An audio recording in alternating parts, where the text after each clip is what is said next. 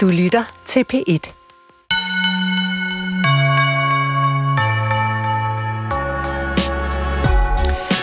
Fangen bliver ført ind på pladsen, bødlen gør klar, blodet flyder, når sværet hugger til, og så ruller hovedet ellers. Er det her en blodig krimi, jeg beskriver? Nej, det er skam bare Saudi-Arabien, der i årets første halvdel har henrettet ikke færre end 40 mennesker.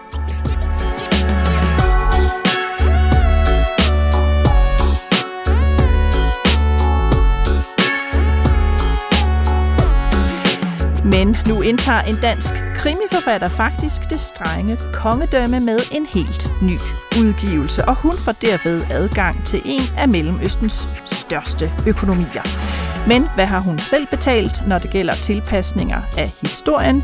Ikke så lidt, viser det sig. Så hvorfor gør hun det? Er hun bunden naiv? Er hun bare grisk? Eller kan hun faktisk påvirke noget i sharia-diktaturet med sin nye udgivelse? Hun hedder Lone Tejls, og jeg hedder Nana Mogensen, og er din vært i den her udgave af Skønlitteratur på P1. Hvor vi heldigvis også har en guide ud i mellemøstforhold med os, Fanny Agerskov Madsen, så vi kan finde op og ned i det saudiske hakkebræt. Nu hvor landet i den grad også trænger ind i det europæiske kulturliv, blandt andet ved at opkøbe den engelske fodboldklub Newcastle United. Så måske er det i virkeligheden mig, der er naiv, når jeg tror, at vi stadig har et valg i forhold til at kulturudveksle med et kongedømme, der ikke giver meget for menneskerettigheder. Jeg aner det ikke. Velkommen til. Ja, øh, mange komplicerede spørgsmål i dag, og mange af etisk karakter. Øh, jeg vil sige allerførst tak til mine gæster for overhovedet at turde dukke op i dag. Øh, forfatter, der sidder herovre på min øh, venstre side, øh, der udgiver sin første lydbogsudgivelse særligt til det saudiske marked. Lone Tejls, velkommen til. Tak skal du have. Og øh, nu sagde jeg jo også i introen, at vi nærmest vil karakterundersøge dig øh, i løbet af udsendelsen. ja. Hvad er du for en, øh, siden du tør at gøre? Øh, på min anden side sidder Kant med i Mellemøststudier for Københavns Universitet, også lektor der, og videnskabelig assistent ved DIS, Fanny Agerskov Madsen. Velkommen til. Tak skal du have. Og øh, det er meningen, at du sådan skal oplyse os lidt om det moderne Saudi-Arabien undervejs. Ja.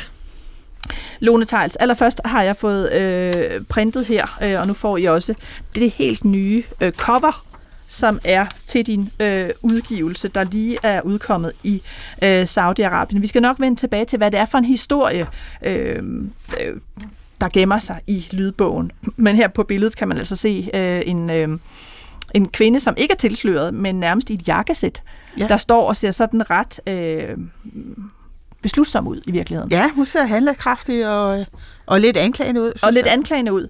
Øh, og med, med øh, altså, håret hængende løst. Ja, ingen tilsløring. Øh, og det, det cover, der ligesom øh, skal sælge øh, udgivelsen i, øh, i den arabiske verden, men lad os tale om først, hvordan blev du overhovedet kontaktet? Altså, fordi det er vel ikke sådan, at man som forfatter, du har skrevet, øh, du er journalist og har været øh, korrespondent før, og du har jo øh, skrevet krimier før, men det er vel ikke sådan, at man bare som forfatter sådan selv opsøger det saudiske marked? Nej, det gjorde jeg ikke. Jeg, jeg udkom med den her lydbog på Mofibo, og, og Mofibo, de er jo sådan en virksomhed, som ekspanderer i alle mulige markeder, og, og de er så også i gang med at ekspandere i i den arabiske talende del af, af verden, og jo der kan man godt sige, at Saudi-Arabien er zoneangivende på mange måder. Øh, så øh, kontakten kom via Mofibo, og de, øh, de, de, øh, de kaldte mig simpelthen til et møde og sagde, øh, vi, har, vi har den her idé om, at, øh, at det skulle ud i Saudi-Arabien, og så øh, fik jeg så kontakt til de to øh, kvindelige redaktører, som, øh, som sad med projektet. Og hvad, hvad tænkte du da? Altså fordi øh, man, som krimiforfatter, der er nogle af de markeder, man måske drømmer om, det er sådan det amerikanske marked, det tyske marked, hvor Jussi Adler jo er, altså, er, er, er virkelig en stor stjerne og har solgt meget. Hvad tænkte du, da de kom og sagde, hvad med det saudiske marked? Jamen, øh, jeg, var, jeg var virkelig overrasket. Altså, det var slet ikke noget, jeg havde forestillet mig. Øh, altså, jeg havde slet ikke tænkt i de baner overhovedet, hvor hvis jeg øh, havde nogen mening om Saudi-Arabien, så var det i hvert fald ikke, at, øh, at det var et sted for, for den type krimi, jeg skriver, som jo har meget stærke hovedpersoner, som er kvinder. Øh, så det, det, var, det lå slet ikke lige foran. Øh, og, og i den her øh, fortælling, som jeg har skrevet om, hvor min danske Helene hedder Sine Brask, øh, hun er jo så også lesbisk, og ja, så, så min første tanke var sådan lidt vantro, hvordan i alverden altså, skal de få det til at hænge sammen? Øh, men men øh, så blev der så sat sådan et øh, Zoom-møde op øh, med de her to øh, redaktører, som øh, virkelig fik mig overbevist. Og, og grund til, at de gjorde det, det var, at man kan sige, det startede jo allerede godt med, at det var kvinder, synes jeg. Fordi hvis, hvis der er noget, jeg har et problem med, med Saudi-Arabien, så er det jo øh, kvinders øh, position i samfundet. Det, det har jeg et stort problem med. Øhm, og de, de kom så, og så havde de øh, selvfølgelig læst øh, eller hørt min bog og været... Øh, var ekstremt entusiastiske omkring det, og havde faktisk gjort sådan nogle, nogle ret øh, øh, langt rækkende tanker om, hvordan de følte, at den kunne adapteres til mm. Saudi-Arabien. Fordi adapteres skulle den, den kunne ikke bare oversættes direkte. Nej, vi skal ikke afsløre nu, hvad, de har, hvad, de, hvad der så er sket med indholdet fra den danske til den saudiske version. Øh, men det skal vi nok øh, komme ind på. Men altså bare så også lytterne forstår det. Du har lavet en lydbog, som du har lavet originalt til Mofibo. En serie, der hedder Hjemvendt. Ja. Og det er den første del af den, der hedder, der hedder Savnet. Yes. Som de har hørt og tænkt, den kan vi versionere på en eller anden måde, ja. så den passer til det saudiske marked. Ja, altså den foregår jo i øh, Vestjylland oprindeligt, og nu er den så flyttet til Jeddah. Øh, og øh, øh, pigen, der er forsvundet i min version, hun hedder Millie, øh, og, og nu hedder hun øh, Marva, mm. øh, og så, så videre. Og der er også der er sket lidt, lidt andre øh, ting. Du var selv lidt inde på, hvad du forbandt med Saudi-Arabien. Altså, hvad, hvad var din første tanke omkring øh, øh, Saudi-Arabien, da de sagde, at det var ligesom der, den skulle udkomme? Øh, jamen altså, det var sådan lidt, øh, var det her etisk forsvarligt, øh, og var det også i overensstemmelse med mig selv på en eller anden måde, fordi jeg har jo tidligere været meget... Øh, øh, ligefrem om, jeg synes, at kvinder øh, bliver født i en øh, nærmest apartheid-lignende situation i Saudi-Arabien, og det har jeg et kæmpe problem med, at kvinder ikke har de samme rettigheder som mænd, at de ikke har mulighed for at bevæge sig frit, de har ikke mulighed for at tage de jobs, de gerne vil have. Øh, og i det hele taget er der indskrænkninger alene i kraft af, at man er født kvinde, og det synes jeg, det synes jeg er et kæmpe problem. Øhm, og, og det var selvfølgelig også noget af det, som jeg, jeg, jeg synes, øh, altså som, som var, var det problem, jeg kom med til det her møde, jeg havde med de her to redaktører. Øh, og der fandt jeg så ud af, at, at vi måske havde en, en agenda, der passede godt sammen, fordi deres ærne var faktisk også, at de ville gerne fremme kvinders rettigheder mm. med at lave sådan nogle historier som den her. Og den måde, de sådan havde forberedt møde på, det var jo, de havde blandt andet øh, lavet sådan nogle øh, plancher, øh, som de viste mig om, hvordan fungerer politiet i Saudi-Arabien, hvad, hvad for nogle roller kan kvinder indtage. Mm. Og så sagde de, men vi vil gerne have, at, at den her person, Shaida, som hun kommer til at hedde, øh, at hun ligesom skubber til grænserne for, hvad man faktisk kan få lov til som kvinde, at hun hele tiden udfordrer dem, at hun hele tiden ligesom prøver at komme igennem det her glasloft. Og det kunne jeg jo godt lide at høre, fordi jeg tænkte, om det, altså det, hvis der er noget, der betyder noget for folk, der, der læser eller hører litteratur, og det har det i hvert fald gjort for mig selv, det er jo, har man nogen at spejle sig i? Har man nogen helt inder, øh, som man kan aspirere til. Øh, og det, det gjorde virkelig, at jeg var mere interesseret i at høre om det. De havde også en øh, saudiarabisk kvindelig øh, videnskabskvinde øh, med, øh, som et eksempel for, hvor de sagde, at det her det er en af de kvinder i Saudi-Arabien, som virkelig øh, skubber grænserne, og som folk ser op til, og vi vil gerne have, at, øh, at Signe hun bliver sådan en person. Øh, Fanny Agerskov Madsen, hvad, nu siger Lone, at de ting, hun forbandt med Saudi-Arabien, øh, og vi, kan jo, vi skal tale om, hvad, hvad er det egentlig, der sker i det nyere og moderne Saudi-Arabien. Øh, det er sådan noget med, med, med kvindeundertrykkelse, og jeg lagde jo også ud med, med en god portion henrettelser. Er det det, Vesten, øh, eller kulturfolk i Vesten generelt, forbinder med Saudi-Arabien? Ja, det er helt øh, klart mit indtryk, at, øh, at, at øh, det er jo især også, hvis man læser de vestlige mediers nyhedsdækning af, hvad der foregår i Saudi-Arabien, så er det ofte sådan nogle øh, forarvelseshistorier, som netop handler om henrettelser, som handler om, hvor undertrykt kvinder er. Øh, og, men det er vel ikke forkerte historier? Det er nemlig ikke forkerte historier, men det er også et meget ensidigt billede af et meget, meget stort øh, land med altså 32 millioner mennesker i, hvor at øh, der er ikke nogen tvivl om, at det er et undertrykkende regime på rigtig mange parametre, men samtidig så er der også en kæmpe stor befolkning, som har lever deres liv, og som øh, lever et, øh, hvad kan man sige, et liv, som på mange punkter faktisk er øh, similært til det liv, vi lever i Danmark. Der er en kæmpe ungdomsbefolkning, som er øh, veluddannet, og som øh, laver startups og øh, street food, øh, kort og så videre. Altså der er, der er et hverdagsliv også, som, i, som ikke øh, bliver vist særlig meget, som, som jeg også synes i virkeligheden, vi, vi, de fortjener, at vi øh, i højere grad også belyser. Og, og sagen er jo den, at øh, ingen af os tre har været i Saudi-Arabien. Jeg ved, du skulle have været det, øh, Fanny, men, men så har der jo været øh, corona og forskellige ting, så, så det er så blevet udsat.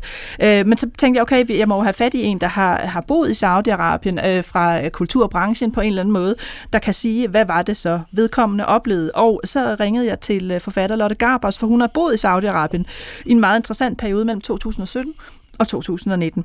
Øh, hendes mand havde fået arbejde der, og så rejste hun med. Og hun endte faktisk med at skrive en roman fra sine oplevelser i, i landet. Den kom til at hedde Løbeklubben i Saudi. Øh, og prøv at lytte med her de næste fem minutter. Jeg, jeg spurgte hende allerførst, altså, øh, hvad er det mest øh, overraskende? Hvad ville overraske sådan en som mig omkring øh, de oplevelser, du havde i øh, Saudi-Arabien? Prøv at lytte med. Jeg tror, man ville blive overrasket over, at det ligner alt det, vi har set i øh, serien ligesom, med kvinder, der er dækket til, og en masse sand og store biler og kaniler. øh, og så bagefter finde ud af, at de ser de samme tv-serier og cracker de samme jokes som os andre, og på den måde er en del af et internationalt øh, globaliseret øh, medieforbrugende øh, netværk. Det tror jeg vil overraske folk, hvor moderne Saudi-Arabien er. Og du har jo boet der øh, i godt yeah. tre år, øhm, og man kan sige, det er jo ikke nogen hemmelighed, du taler ikke arabisk, så hvordan er det overhovedet Nej. lykkedes dig at, at få viden om, hvordan øh, sådan, øh, middelklassen Saudi-Arabere lever, og hvad for et kulturforbrug de har? Det er fordi, at i Saudi-Arabien er middelklassen, og selvfølgelig overklassen, men middelklassen er meget stor og meget veluddannet siden 05, altså i over, 10, over 15 år, øh, er der røget 40.000 studerende ud af landet på, for at studere på de øh, på udenlandske øh, øh, hvad hedder det, universiteter. Øh, det vil sige, at de er meget veluddannede og taler derfor flydende engelsk. Så når du har talt med, med dem, du er kommet tæt på i den periode, øh, måske folk eller kvinder på samme alder som, mm. som dig, altså hvad er det så for noget kultur, de forbruger? Du siger lidt om, at det sådan er meget sådan globalt, men hvad, hvad, hvad kan de godt lide? De store popkulturelle fænomener, som vi genkender som Game of Thrones og Friends og så videre, de her globale succeser, de bliver konsumeret med lige så stor appetit i, øh, i Saudi-Arabien, som, som de gør i øh, Danmark. Og det, øh, det har noget at gøre med, at det er et meget digitaliseret, øh, et digitaliseret samfund, som alle går rundt med deres mobiltelefoner og lige så meget på YouTube som en hver syvårig knægt i Danmark. Men er det så for eksempel de samme versioner af tv-serierne, de kan se? Altså er det usensurerede udgaver af Game of Thrones for eksempel?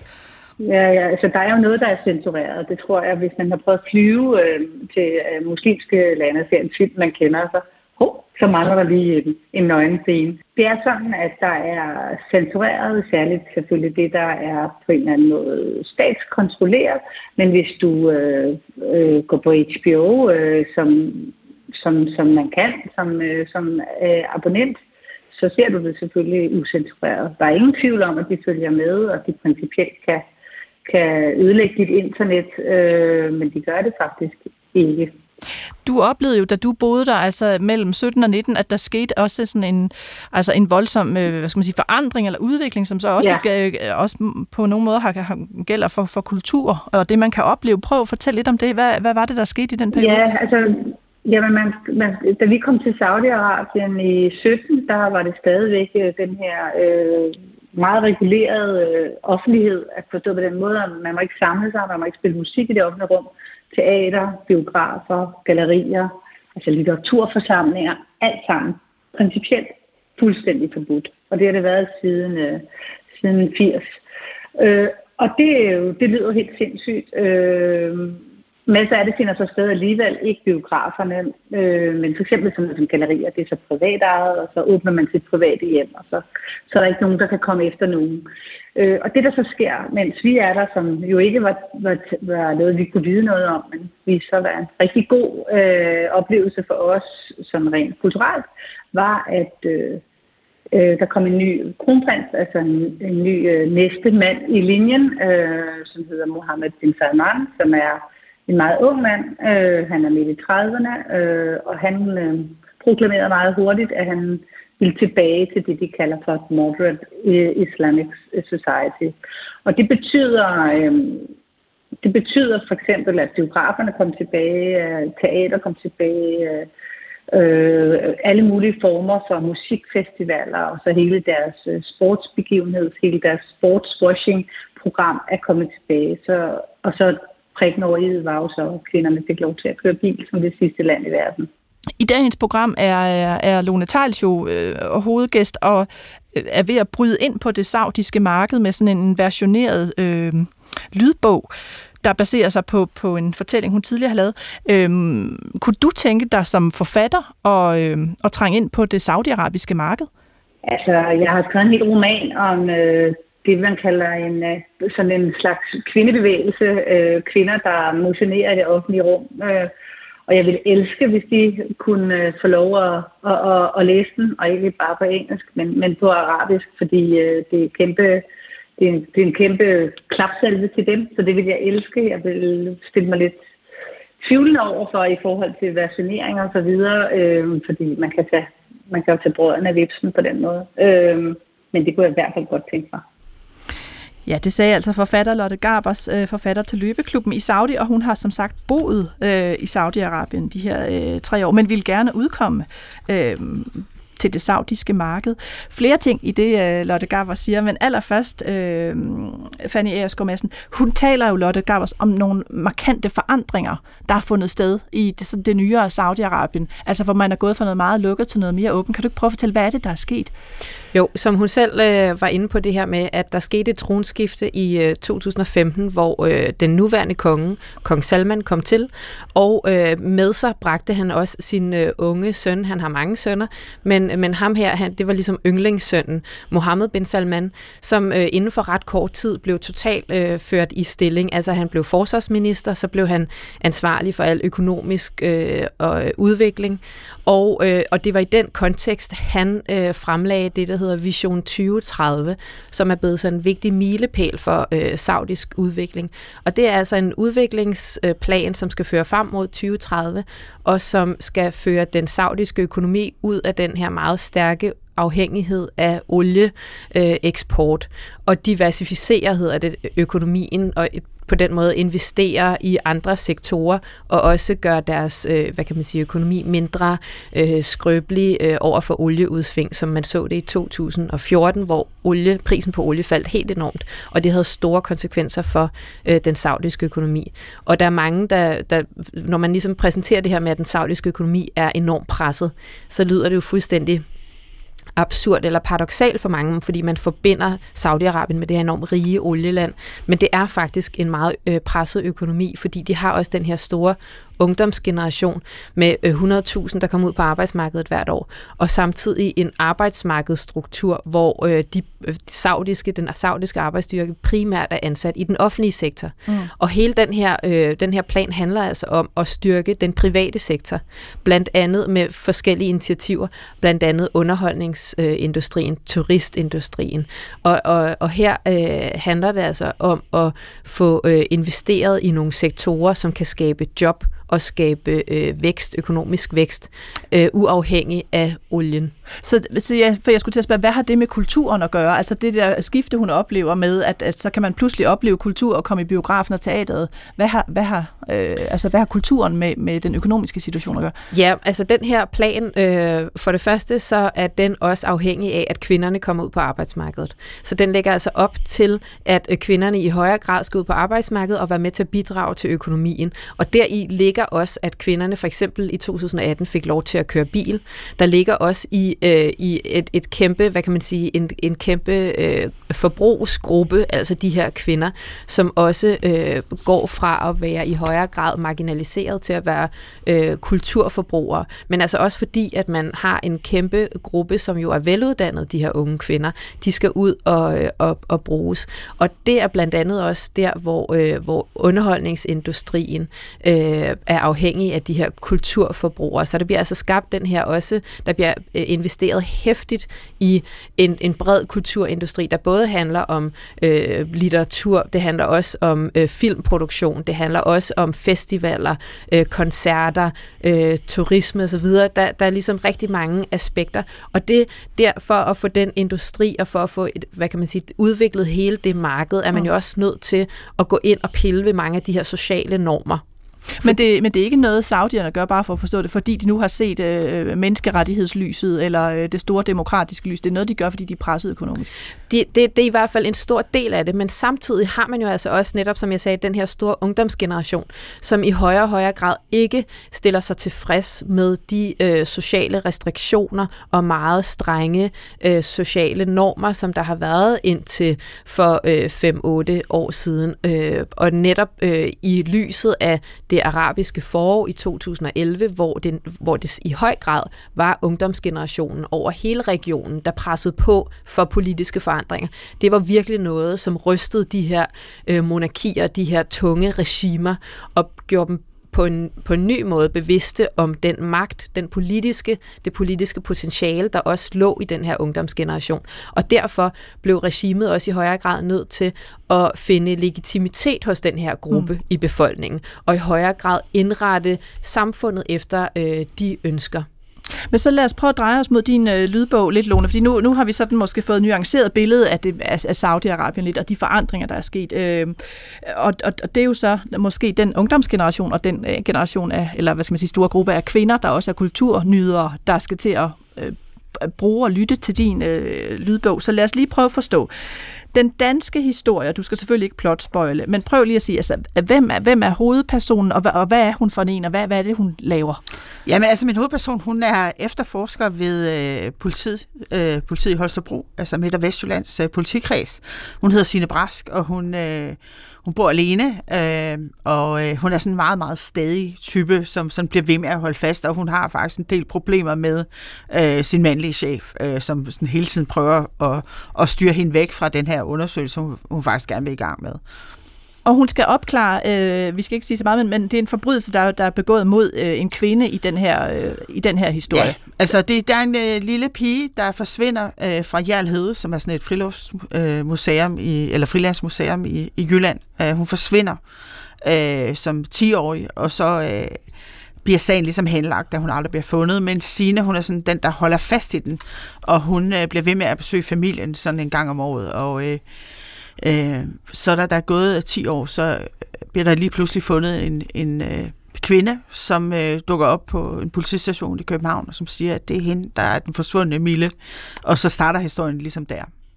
Og jeg vil gerne spille et klip øh, for jer og for lytterne af øh, bare øh, altså sådan et halvt minut af, hvordan det lyder i den danske lydbogsversion. Fordi der er den jo skrevet, den er skrevet til lydbog, og der er det én stemme, der læser. Det er Laura Drasbæk, og det, øh, det lyder øh, sådan her i begyndelsen. Storytel Original præsenterer Hjemvendt af Lone Tejls Indlæst af mig, Laura Drasbæk. Første sæson. Savnet. Prolog. Tårerne løb og trak kuldespor ned over hendes kinder og fik dem til at svige i frosten. Det var ren og skær udmattelse. Hun vidste det godt. Sine fødder kunne hun ikke mærke længere. Fingrene var stive, og alt i hendes krop skreg på at komme ind i varmen ind til det gyldne lys, der befandt sig så langt borte mellem træerne, at hun slet ikke kunne overskue, hvordan hun nogensinde skulle komme derhen igen. En anden verden, med stråtægte hytter, hvor mennesker var trygge, hvor der var mad og varme. Sådan lyder det altså i, øh, i, øh, i Lone Tejls øh, hvad skal man sige, originale udgave og, og bemærke altså den der måde med den sådan øh, lidt øh, uh, dus, men sådan øh, melankolske musik. Det er næsten præsenteret som en lille øh, film der i starten, ikke med hvem der har produceret og hvem der indlæser. Og så prøv lige at høre øh, til sammenligning et arabisk klip, altså for den øh, versionering, der så øh, er lavet. Øh, her hedder den mandlige hovedundersøger, han hedder så pludselig øh, Abdallah, og øh, den kvindelige hovedkarakter hedder øh, Sulafa, ikke Sine. Og øh, øh, offeret hedder så ikke øh, Mille, men øh, øh, Marva. Og i den øh, version, vi skal høre nu, der diskuterer de altså, skal, skal det her offer, skal hun vise øh, sådan et lille modersmærke, øh, hun har, eller ej, fordi så kan man måske finde ud af, øh, hvem det er. Prøv at lytte med her øh, et halvt minut. ما أقدر أضغط عليها أكثر من كذا البنت جالسة بركن الغرفة ومو راضية تبين وجهها ما أقدر أطلب منها ترفع عبايتها الله العالم وش صار لها بالشارع. ترى ماني جاي آخذ رأيك. أنا أقول لك اللي حيصير. نظرت إليه مستنكرة نبرته الآمرة. أنا ما قلت إن المطلوب سهل بس ما في حل ثاني. ما أقدر أرجع إلا لما نتأكد إن اللي في الغرفة مروة فعلا. بس البنت مو كنت تدوري على فرصة؟ تذكري لما كنت تشتكي ما في شغل وما أنت مستفيدة شيء؟ هذه الفرصة جات لين عندك. هذا الواقع اللي نتعامل معاه يوميا كل Ja, ما- altså i den øh, arabiske øh, version, øh, man kan, altså så man ikke forstår det, sagtens forstå sådan stemningsskiftet, og så det her med, at det er lavet til flere stemmer. Øh, prøv lige at sætte lidt ord på det, Lone. Hvorfor har de lavet det om fra, fra sådan en øh, hovedstemme, der indlæser og taler, til sådan et, øh, nærmest sådan et... Øh, Jamen, øh, ja, altså det er, så vidt jeg forstår i hvert fald fra, fra de redaktører, der har været på, at det er sådan lidt konventionen, og det er sådan, man, man, man laver serier i Saudi-Arabien, altså at det ligesom næsten bliver sådan et, et lille hørespil i stedet for. Øh, hvor jeg jo sådan mere har skrevet en lydbog, så har de altså taget udgangspunkt og, og bruger replikkerne meget mere aktivt. hvad, tænker du om det, når du hører det? Jamen, altså første gang jeg hørte klippet, så tænkte jeg, ej, de lyder vrede. Og jeg vidste ikke rigtigt, hvad der var på klippet, og så fandt jeg ud af, at det, der var på klippet, det var faktisk også en diskussion øh, mellem, mellem de to hovedpersoner. Så det gav jo god mening, at, at, der, var lidt, øh, at der var lidt temperament i det. Så, øh, øh, men altså, det er jo mærkeligt. Altså, jeg, jeg har jo Altså det er lidt ligesom jeg også øh, jeg, jeg har prøvet at blive oversat til, til japansk og russisk og græsk øh, og jeg kan sidde og kigge på de her bogstaver, jeg forstår ingenting. Øh, og tænker, gud, det er mig, der har skrevet det, men jeg, jeg forstår det ikke. Øh, og det er jo sådan lidt den samme fornemmelse, jeg sidder med, når jeg hører det på arabisk. Altså, jeg, jeg, jeg har jo heldigvis øh, udbedt mig, øh, og det gjorde jeg, sådan, da jeg, hvis vi skulle arbejde sammen, så bad jeg om at få en øh, engelsk synopsis, fordi jeg ville gerne se, hvad de gjorde ved min historie. Øh, og på den måde ville jeg godt lige vide, hvor langt de, de trak det væk fra originalen. Og det har jeg fået. Øh, Og havde du vetoret der? Altså kunne du sige, hvis de øh, vendte tilbage og, og lavede nogle helt øh, uhyrlige ting, så kunne de sige, nej, så kan I ikke få lov at bruge den? Øh, det tror jeg principielt godt, jeg kunne, men, øh, men det, det havde jeg faktisk ikke, fordi vi havde talt lidt igennem inden, hvordan, hvordan de ville gribe det an. Øh, og det havde jeg ligesom sagt øh, go til og, og accepteret, at de ville prøve. Så lad os prøve at tale lidt om, hvordan, øh, hvad de har lavet om. Altså som du sagde først, din historie foregår i Jylland. Den er nu henlagt til, øh, til Jeddah, som er hvad for, en, øh, hvad for en by? Altså er det sådan en stor by, skal vi forestille os det? Moderne storby? Ja, det er den øh, anden største by i Saudi-Arabien, og så er det, øh, det er meget skægt, at de vælger den, øh, når, øh, når den, den, den originale foregår i Jylland, fordi at Jeddah er i virkeligheden den mest smarte by i, i Saudi-Arabien. Det er sådan lidt, altså det er en kystby, og det er der, der er et kæmpestort sådan både sådan comedy-marked, der er et stort startup-marked. Øh, det, er, øh, det, det er virkelig sådan ungdomscentral, så at sige. Ikke? Så det er altså, de tager den fra det mørke Jylland, ja. som man øh, siger i Ja, ja. og så henlægger den til en storby. Så er der selvfølgelig det der med navnet øh, på hovedpersonen, og sådan må det jo være. Så er der det med det lesbiske. Ja. Øh, og, så, og jeg må indrømme, da vi sad og forberedte det her, øh, så tænkte jeg også, ja, men øh, hvorfor sulan er du gået med til det? For som du siger, din hovedkarakter i den danske, Signe Ja, hun er lesbisk, Hun er lesbisk, Ja. og det er hun ikke i den saudiske. Nej, og det var noget, vi diskuterede meget til det møde der, øh, øh, fordi det var mit første spørgsmål til dem, altså hvad med det? Øh, hvordan, hvordan vi får det til at fungere?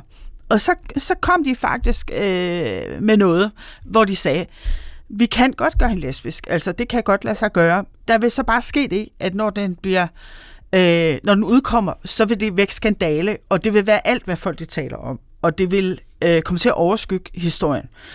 Så hvad siger du til? Og det var det forslag, de stillede mig. De siger, hvad siger du til, hvis vi ikke gør det, men vi så skruer lidt på handlingen, fordi øh, så laver vi det her mor til et ærestrab, øh, som er i historien, fordi vi vil faktisk rigtig gerne have, at vi sætter det på dagsordenen. At det bliver noget, man diskuterer i Saudi-Arabien, at det selvfølgelig ikke er okay at lave ærestrab. Så, så det vil vi gerne. Vi vil gerne frem, at man taler om ærestrab som noget, der er forkert, og vi vil gerne frem, at øh, vi kan vise kvinder, der har karriere. Og man kan sige, det var så det, de kom og tilbød mig. Mm. Øh, og det tænker jeg, det er også noget, jeg gerne vil være med til. Øh, det betyder ikke, at, øh, at jeg på den måde ligesom, øh, hvad skal man sige, giver køb på, at hun er lesbisk. Altså, det, det synes jeg ikke, eller jeg synes prisen var, var det værd, kan man sige. Og det betyder jo ikke, at hun ikke er, er lesbisk i alle de andre versioner, der ligger af, af hende øh, på forskellige sprog. Men hvor langt er de gået? Altså har de gjort hende til heteroseksuel og gift med børn, eller har de bare ligesom... Øh, øh hun har ikke, hun har ikke nogen, øh, nogen forhold, øh, kan man sige. Og øh, jeg kan godt røbe sådan i den danske version, der får hun jo et forhold til øh, en kvindelig øh, børnepsykolog, som hjælper hende i sagen. Og der er også en, en børnepsykolog, der her hjælper den øh, arabiske version.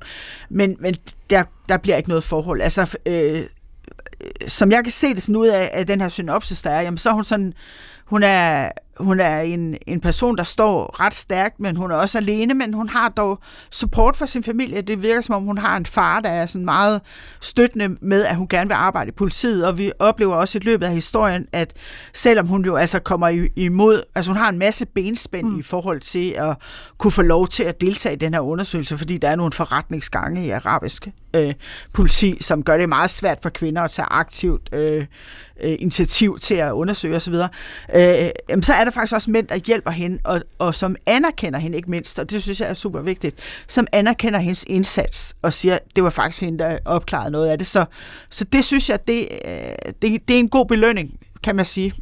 Men hvad, hvad siger du, Fanny? Altså, var det gået, hvis, hvis øh, Lone havde sagt, øh, jamen, det kommer ikke til at ske, jeg fastholder, at hun er lesbisk? Jamen, som Lone siger, så havde det skabt øh, fuldstændig, øh, øh hvad kan man sige, rammeskrig. Og øh, først og fremmest er det jo forbudt Altså, der er jo ikke, det er ikke tilladt at være øh, homoseksuel. Altså, der er simpelthen lov imod det? Det er der.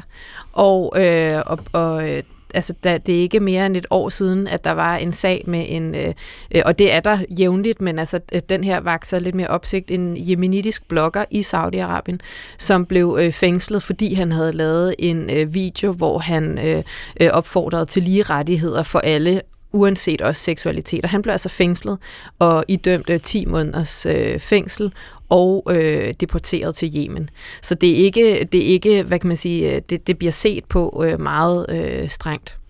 Men lad os så prøve at se, fordi øh, min praktikant har så kontaktet øh, forlæggerne i Sverige, som ligesom har stået for øh, versioneringen, og dem du, altså dem, du har haft møde med, hvad, hvad skulle laves om, og hvorfor skulle det laves om, og hvordan kunne man så gøre det. Lad os prøve at høre deres sådan, begrundelser, og hvor de har prøvet at lægge øh, fokus øh, i det. Min øh, praktikant Sigrid Langballe øh, talte med øh, Sarah Rifat, som står bag øh, udgivelsen på den, øh, hun er forlægger på den øh, arabiske underafdeling af Storytel, der hedder MENA, som koncentrerer sig om det arabiske marked. Hun er bosat i Sverige, men altså taler både engelsk og øh, arabisk også.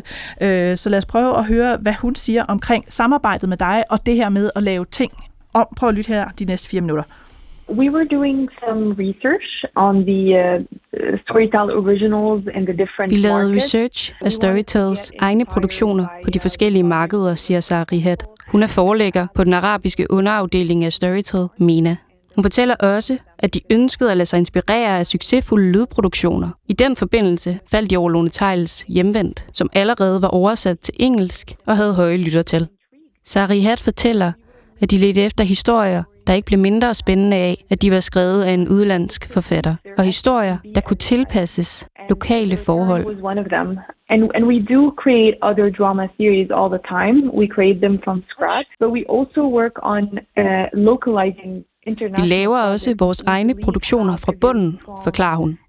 Men vi arbejder også på at versionere publikationer, som vi mener kunne have en interesse for vores specifikke publikum. Hovedårsagen til, at vi valgte hjemvendt, var, at vi godt kunne lide plottet og karaktererne. How much did you change? I understood it as she's a lesbian in the Danish version, which she isn't in the Saudi. Jeg spørger ind til de ændringer, der er foretaget i Lone Tejls historie, for at tilpasse den det saudiarabiske marked. Blandt andet er hovedpersonen ikke længere lesbisk i den nye version, mens hun er det i den danske udgave. So actually, uh, being a, a, a, an investigator in the police is not that big of a deal in the Danish version. So it was not the focus of the project, but for us, that was the focus. Like that Sari Hat svarer, at de har et andet fokus i den saudiske version. Det er ikke bemærkelsesværdigt, at den kvindelige hovedkarakter i den danske version arbejder som efterforsker for politiet, hvilket det er i den saudiske. De ønskede derfor at fokusere på kvinder i politiet frem for kærlighedshistorien. Females in the police force This is the first work of drama that tackles a female investigator in that sense. And actually our series it happens in the Sariat fortæller, at det er den første serie i Saudi-Arabien, der handler om en kvindelig efterforsker. Serien foregår i fremtiden, hvor kvinder får flere muligheder og større when women are given more space. So in that sense, it's a very exciting story that people have not been exposed to before.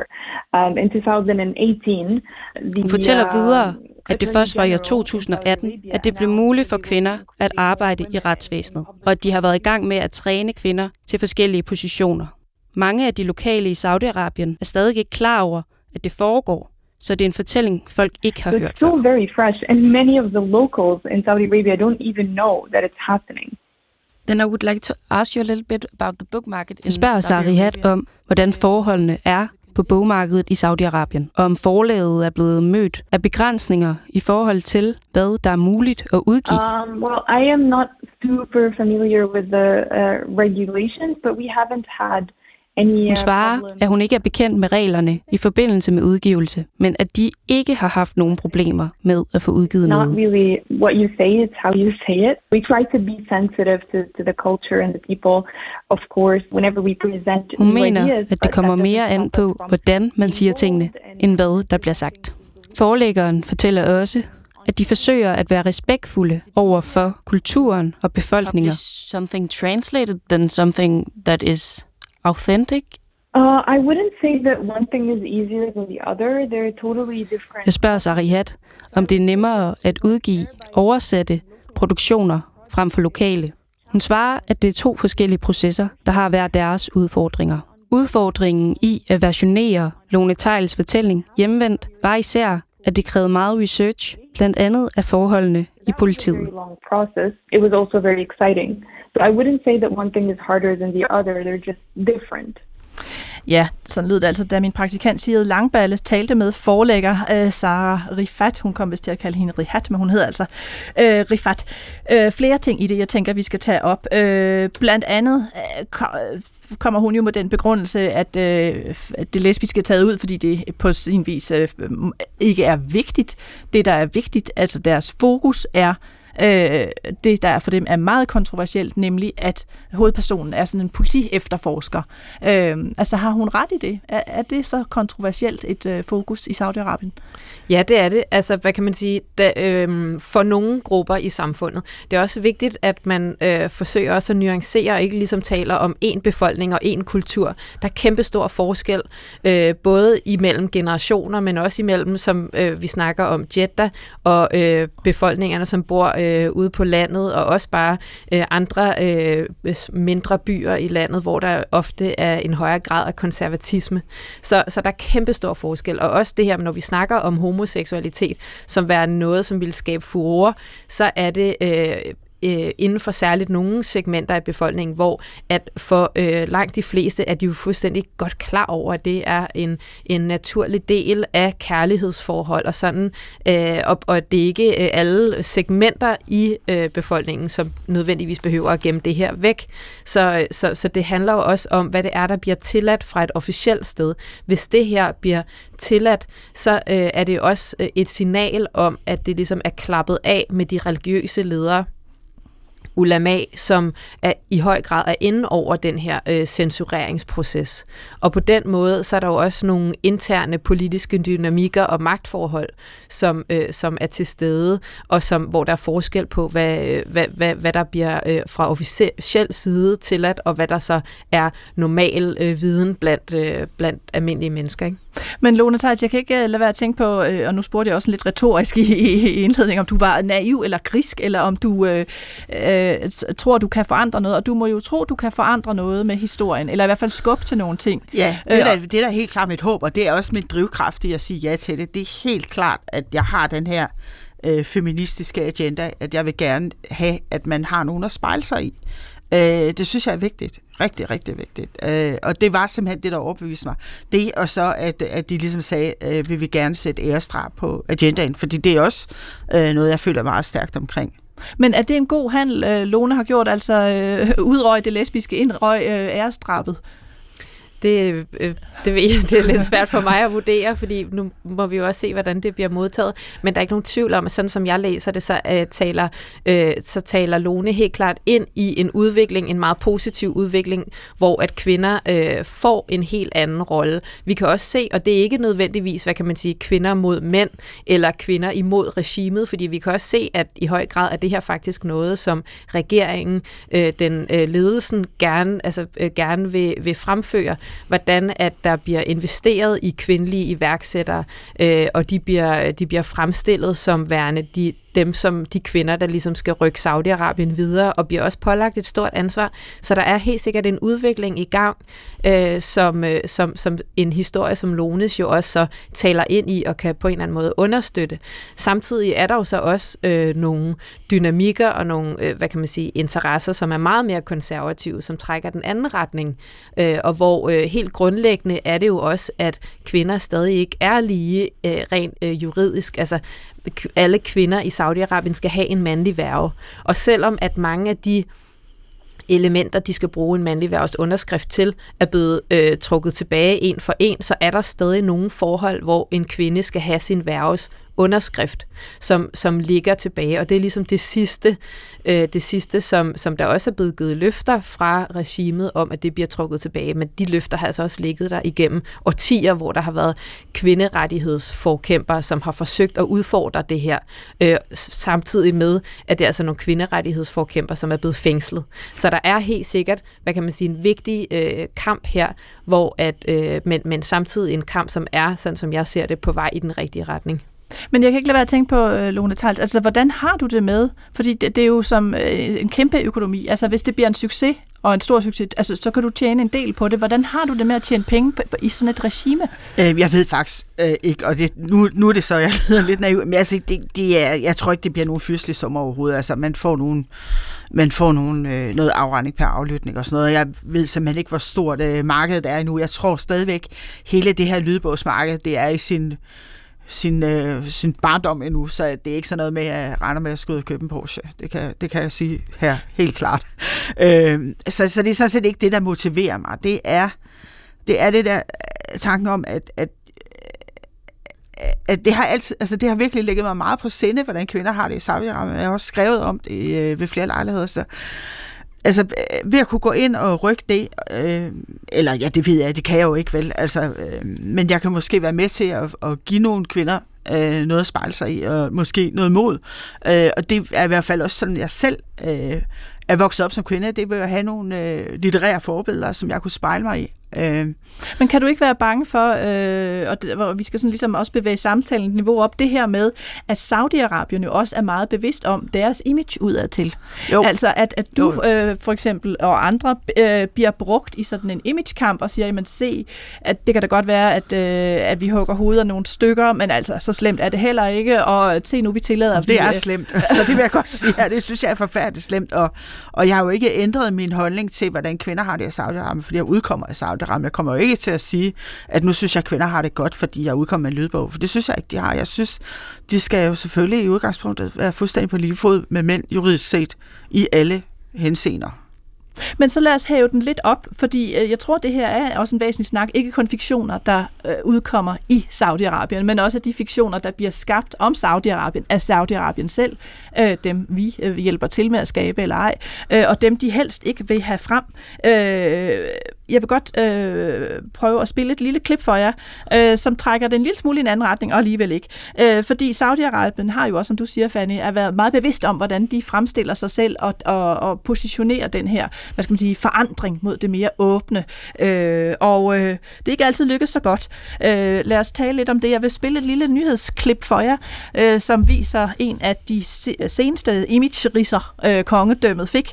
Det er den her berømte sag med journalisten øh, Jamal Khashoggi, som øh, gik ind på det saudiske konsulat i Istanbul i 2018, øh, og han kom i hvert fald ikke helt ud igen.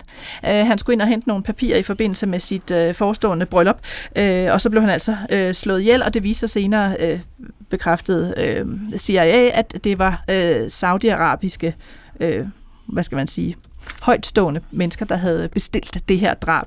Her er et lille nyhedsklip på engelsk, hvor øh, de så følger den sag, der kom ud af det bagefter, hvor øh, Saudi-Arabien ligesom var tvunget til at straffe nogen for gerningen. Prøv at lytte med her det næste halve minut. He was going to collect documents for his forthcoming marriage, but Jamal Khashoggi never came out of the Saudi consulate in Istanbul.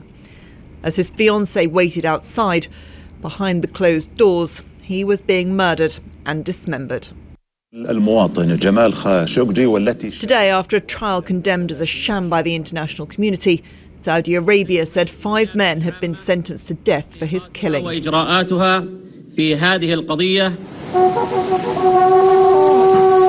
But those closest to the kingdom's crown prince were cleared. A CIA investigation had earlier claimed the men were acting on the orders of Prince Mohammed bin Salman. Ja, et lille nyhedsklip fra ITV. Altså, man, øh, øh, Saudi-Arabien oplevede så stort et pres, at de følte, at de måtte straffe nogen for det her drab, de jo så havde kendt at begået. Måske bestilt af kronprinsen selv. Øh, og så lavede man sådan en mock-up retssag, hvor man dømte øh, fem sauder. De, de har jo haft en del image Altså, øh, de havde øh, Saudi-Arabien formandskabet for G20, altså den her meget øh, magtfulde øh, forsamling da de havde formandskabet, og der var fokus på dem, så faldt henrettelsesraten med 85 procent. Øh, da de så øh, afstod formandskabet igen, jamen så steg det helt vanvittigt. Øh, og under 9-11 var der også 15 ud af de 19 selvmordsterrorister, der kom fra Saudi-Arabien. Så man kan sige, at deres image er jo plettet på alle mulige måder. Er det her så deres, hvad skal man sige, øh, nyeste øh, våben i kampen for imagepleje, Fanny? Altså at tillade fortællinger som Lones? Både og. Der er ikke nogen tvivl om, at deres øh, nation branding øh, de sidste øh, fem år virkelig er blevet skruet op. Og det hænger igen også sammen med den her Vision 2030-plan, hvor en vigtig del af det, det er at tiltrække udenlandske investorer. Og samtidig også øh, i forhold til deres konflikt øh, med Iran, har det også været vigtigt at fremstå som, hvad kan man sige, den øh, moderate, øh, fornuftige øh, samarbejdspartner i forhold til Iran. Øh, og, og der har, har de her øh, Øh, hvad kan man sige, tilfælde øh, virkelig ikke øh, spillet særlig godt ind i det. Man har også set, hvordan kronprinsen inden mordet på Khashoggi rejste rundt i USA og Europa for netop at, øh, at brande Saudi-Arabien. Og altså vores, øh, vores egen aviser øh, bragte også øh, interviews med ham, som var en kopi af øh, New York Times interview med lavet af journalist Thomas Friedman, hvor han virkelig blev fremført som den her mand, der skulle føre Saudi-Arabien ud af øh, det, øh, det gamle og konservative, og han blev virkelig sådan fremført som den øh, øh, reformatoren, ikke? Og så viser sig, at, at, at, at i virkeligheden så øh, har han en, et øh, sådan meget lemfældigt øh, forhold til øh, moral i forhold til, til sine kritikere. Vi kan jo også se, at, dem, at, at hvad kan man sige, det kan godt være, at kvinder har fået flere rettigheder i Saudi-Arabien, men øh, i forhold til kritikere af regimet er det blevet meget værre. Så, så, øh, så det kan godt være, at der sker en udvikling, som er positiv på nogle øh, punkter, men det betyder overhovedet ikke, at der er flere politiske rettigheder i Saudi-Arabien, hvor kritikerne i højere og højere grad er blevet øh, fængslet og tortureret og øh, henrettet. Men kan du ikke være bange for, Lone Tals, at du ender som sådan øh, en mini-version af Newcastle, altså den her øh, fodboldklub, som, som så der er et kæmpe Nej, overhovedet ikke. Altså Nej. overhovedet ikke. Altså for jeg siger sådan, at jeg har jo ikke adgang til den saudiarabiske regering, og kan meddele dem om, øh, hvad jeg føler øh, omkring deres øh, politik over for diverse ting, øh, og henrettelsespolitik i øvrigt og sådan noget. Det har jeg jo ikke øh, mulighed for. Så kan jeg selvfølgelig stå uden for den saudiske øh, saudiarabiske ambassade her i Danmark og, og stå og råbe ind til dem, men jeg tror ikke, det vil nytte noget. Så jeg tænker, at, at det er jo ikke dem, der læser. Det er jo ikke folk, der sidder i regeringen, der, sidder, der kommer til at høre min, min lydbog. Det er jo øh, kvinder, der går derhjemme, og forhåbentlig også mænd. Jeg håber også, der er rigtig mange mænd, der lytter til den, fordi de vil jo også blive introduceret for, at kvinder er stærke og stadige og dygtige til deres arbejde. Øh, og det tror jeg egentlig, og, og kan få støtte af gode mænd øh, til at komme frem øh, og få lov til at lave det, som de er gode til. Og det håber jeg sådan set øh, bliver sådan en lille, stille revolution nedefra. Jeg er godt klar over det, jeg kommer ikke til at ændre Saudi-Arabien med ene kvinde, men, øh, men det er så bare mit lille bidrag. Men nu er det måske også nemt nok for mig at sidde her og være sådan lidt småfarvet på lytternes vegne, ikke over nu øh, øh, vil Lone Tejls ind på det marked. Men sandheden er vel, at, øh, at vi allerede har sammenblandet de her kulturmarkeder, som jeg sagde i introen. Altså det er ikke længere et spørgsmål om, at man kan vælge, om man vil udgive det eller ej, men at, at Saudi-Arabien på mange måder er i vores kulturlandskab, altså opkøb og fodboldklubber, øh, øh, også i det religiøse miljø, der var afsløringer fra nogle aviser for nylig om, at øh, den saudiske ambassade i København havde øh, sponsoreret et par moskéer på Nørrebro meget direkte. Altså at den sammenblanding øh, med kultur og religiøsitet mellem de to nationer findes allerede, om vi ved den eller ej. Hvad, hvad siger du, Lone? Jamen jeg vil sige, jeg synes jo, at, at der hvor det bliver interessant nu, det er jo, at det er en saudiarabisk versionering. Altså man har taget den her handling og omplantet den fra Vestjylland og sagt, det her kunne foregå i Saudi-Arabien. Og det er jo noget andet end at sidde og se Friends, hvor man kan sidde og sige, om det foregår også i New York. Det har ikke noget med vores samfund og kultur at gøre, eller Game of Thrones, som jo foregår i et, i et fantasy-univers, som heller ikke rigtig øh, har relation til, hvordan virkeligheden er i Saudi-Arabien lige her og nu. Men her har man altså valgt at sætte det i sådan en helt konkret by.